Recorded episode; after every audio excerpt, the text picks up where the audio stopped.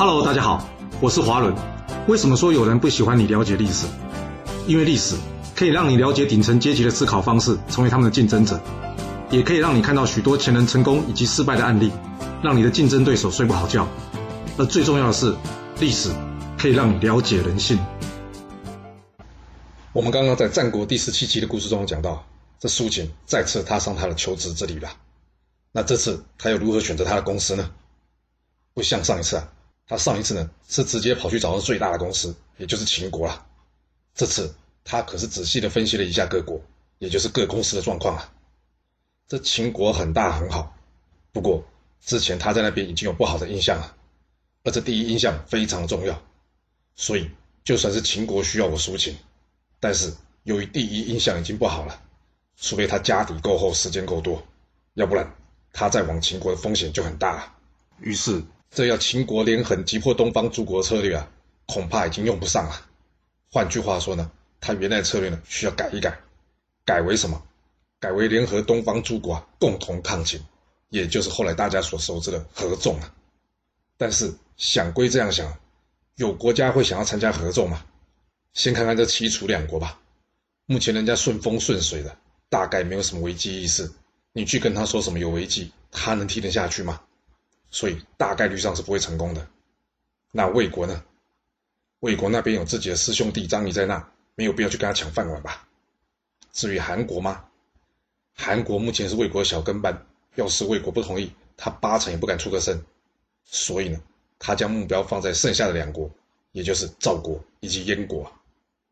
这苏秦的这个判断过程呢，其实对我们如何找工作是非常有用的。这怎么说呢？那就是一切要从对方的需求出发。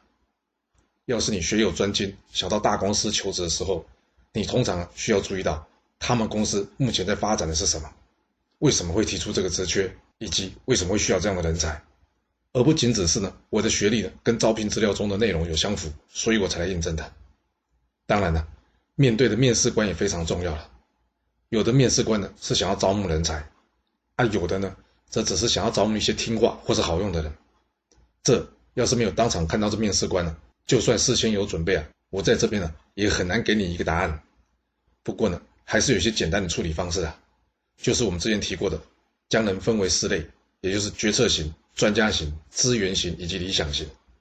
针对这四种不同类型的人呢，可以使用不同的应对策略。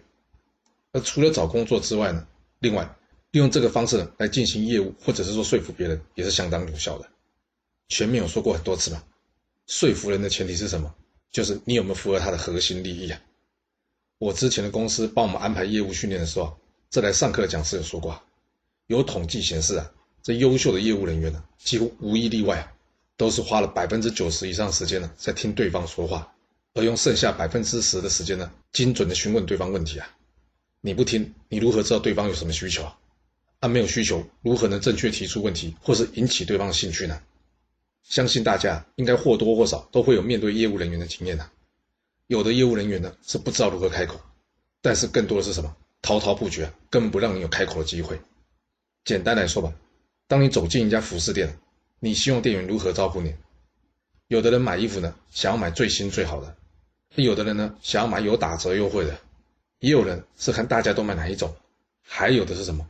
他买不买完全是凭感觉的。那你如何知道对方是哪种人呢？假设对方是专家型或是资源型，除非他们进门之前已经决定要买了，要不然你话说个不停，大概已经会把他吓跑了。然而决策型或是理想型呢，反正会喜欢你多跟他聊两句。所以依据不同类型的人的不同需求，我们需要提供不同的对应方式，这成交机会才有机会提升啊。就像今天故事中的苏秦一样，为了不要重蹈覆辙，他选择先分析对方的需求。遇到对方给他吃闭门羹的时候呢，他也不死缠烂打，而是先转个弯，先转向燕国销售他的理念，之后再绕道回来，设法去说服赵国，然后呢，逐一完成他的合纵大计。所以啊，事先了解对方的需求，以及掌握对方的核心利益啊，还有就是说话的时机，这可是求职上一种非常重要技能，您说是吧？若您有其他的想法，也欢迎留言分享你的看法给大家哦。好了，我们今天就先说到这。若是你想要知道完整版的故事内容，欢迎您可以到说明栏中找到我爱故事频道的连结。要是你喜欢这频道，还要麻烦您动动你的手指，点赞、订阅、追踪，或是给我五星评价的支持以及留言分享哦。谢谢您来收听，我们下次再见。